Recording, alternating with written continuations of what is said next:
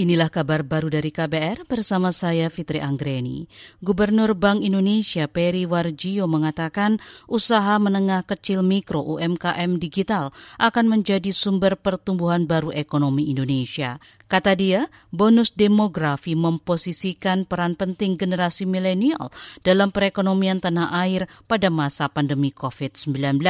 Milenial sebagai generasi penerus bangsa akan menjadi motor penggerak new UMKM di masa kini maupun masa depan.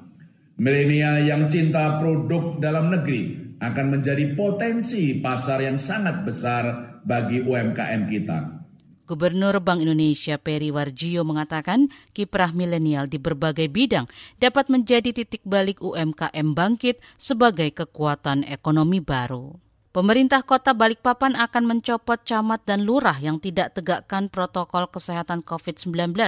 Wali Kota Balikpapan Rizal Effendi mengatakan telah mengeluarkan surat edaran bagi camat dan lurah agar lebih berani menindak tegas jika ada kegiatan masyarakat yang melanggar protokol. Sedangkan surat edaran kedua ditujukan kepada masyarakat agar mendapatkan rekomendasi dari Satgas Penanganan COVID-19 dan surat terima pelaporan dari kepolisian sebelum membuat kegiatan.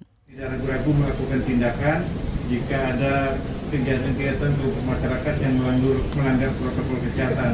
Ya, ancamannya bagi camat dan lurah yang tidak mampu bertindak tegas akan dilakukan penindakan sampai pada pembebasan tugas jabatan. Wali Kota Balikpapan Rizal Effendi mengatakan bagi yang melanggar protokol kesehatan akan dikenakan sanksi tegas, di antaranya penutupan, penghentian, atau pembubaran kegiatan. Surat edaran wali kota itu diterbitkan menindaklanjuti instruksi Mendagri tentang penegakan protokol kesehatan untuk pengendalian COVID-19. Mendagri mengingatkan sanksi bagi kepala daerah yang mengabaikan protokol kesehatan. Hampir sejuta orang di Cina telah menggunakan vaksin COVID-19 eksperimental melalui program penggunaan darurat. China meluncurkan program penggunaan darurat pada Juli lalu. Vaksin eksperimental yang digunakan dua buatan Sinopharm dan satu buatan Sinovac. Sinopharm di media sosial WeChat mengutip pemimpin program vaksinasi itu mengatakan sejauh ini tidak ada reaksi buruk serius yang dilaporkan dari penerima vaksin. Namun belum jelas vaksin mana yang dimaksud. Vaksin yang dikembangkan Sinopharm menggunakan virus inaktif untuk memicu respon imun.